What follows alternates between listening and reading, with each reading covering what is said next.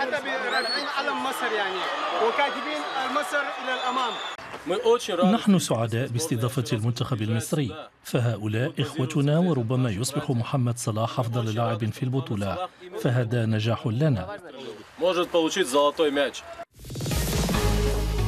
يوظف بوتين الرياضة للدعاية الإعلامية السياسية مثلا باستضافة منتخب مصر ونجمه العالمي محمد صلاح في جمهورية الشيشان الروسية. ذات الغالبية المسلمة.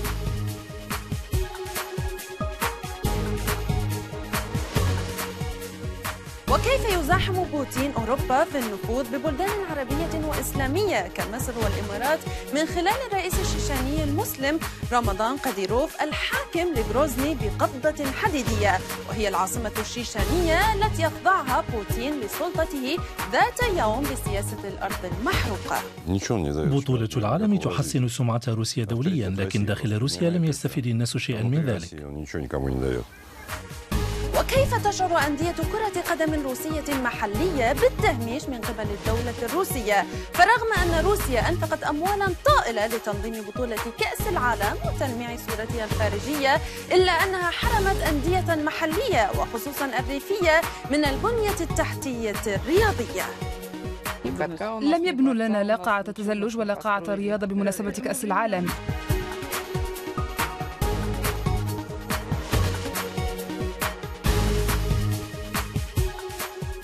وماذا عن المنافسة الحامية الوطيس في الانتخابات التركية الرئاسية البرلمانية المقررة يوم الأحد المقبل بعد أيام قليلة؟ من سينتصر يا ترى؟ شعبية أردوغان أم وحدة المعارضة القوية التي انضم إليها حتى حزب إسلامي؟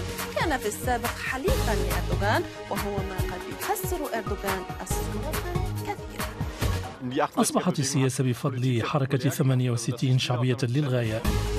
وماذا عن الذكرى الخمسين للانتفاضة الشبابية الأوروبية التي كافحت عام 1968 من أجل مجتمعات أوروبية أكثر ليبرالية ودعت إلى السلام وطالبت بحرية العلاقات الجنسية وتعزيز حقوق المرأة وإبطال التربية العائلية التسلطية ونادت في ألمانيا أيضا بمواجهة من تبقوا من الكوادر النازية.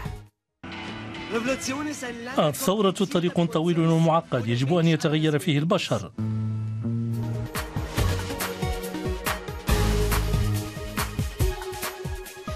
وماذا عن حركة بيئية عالمية. أسسها رجل سويدي مسن تجمع بين الرياضة الجسدية وحماية الطبيعة.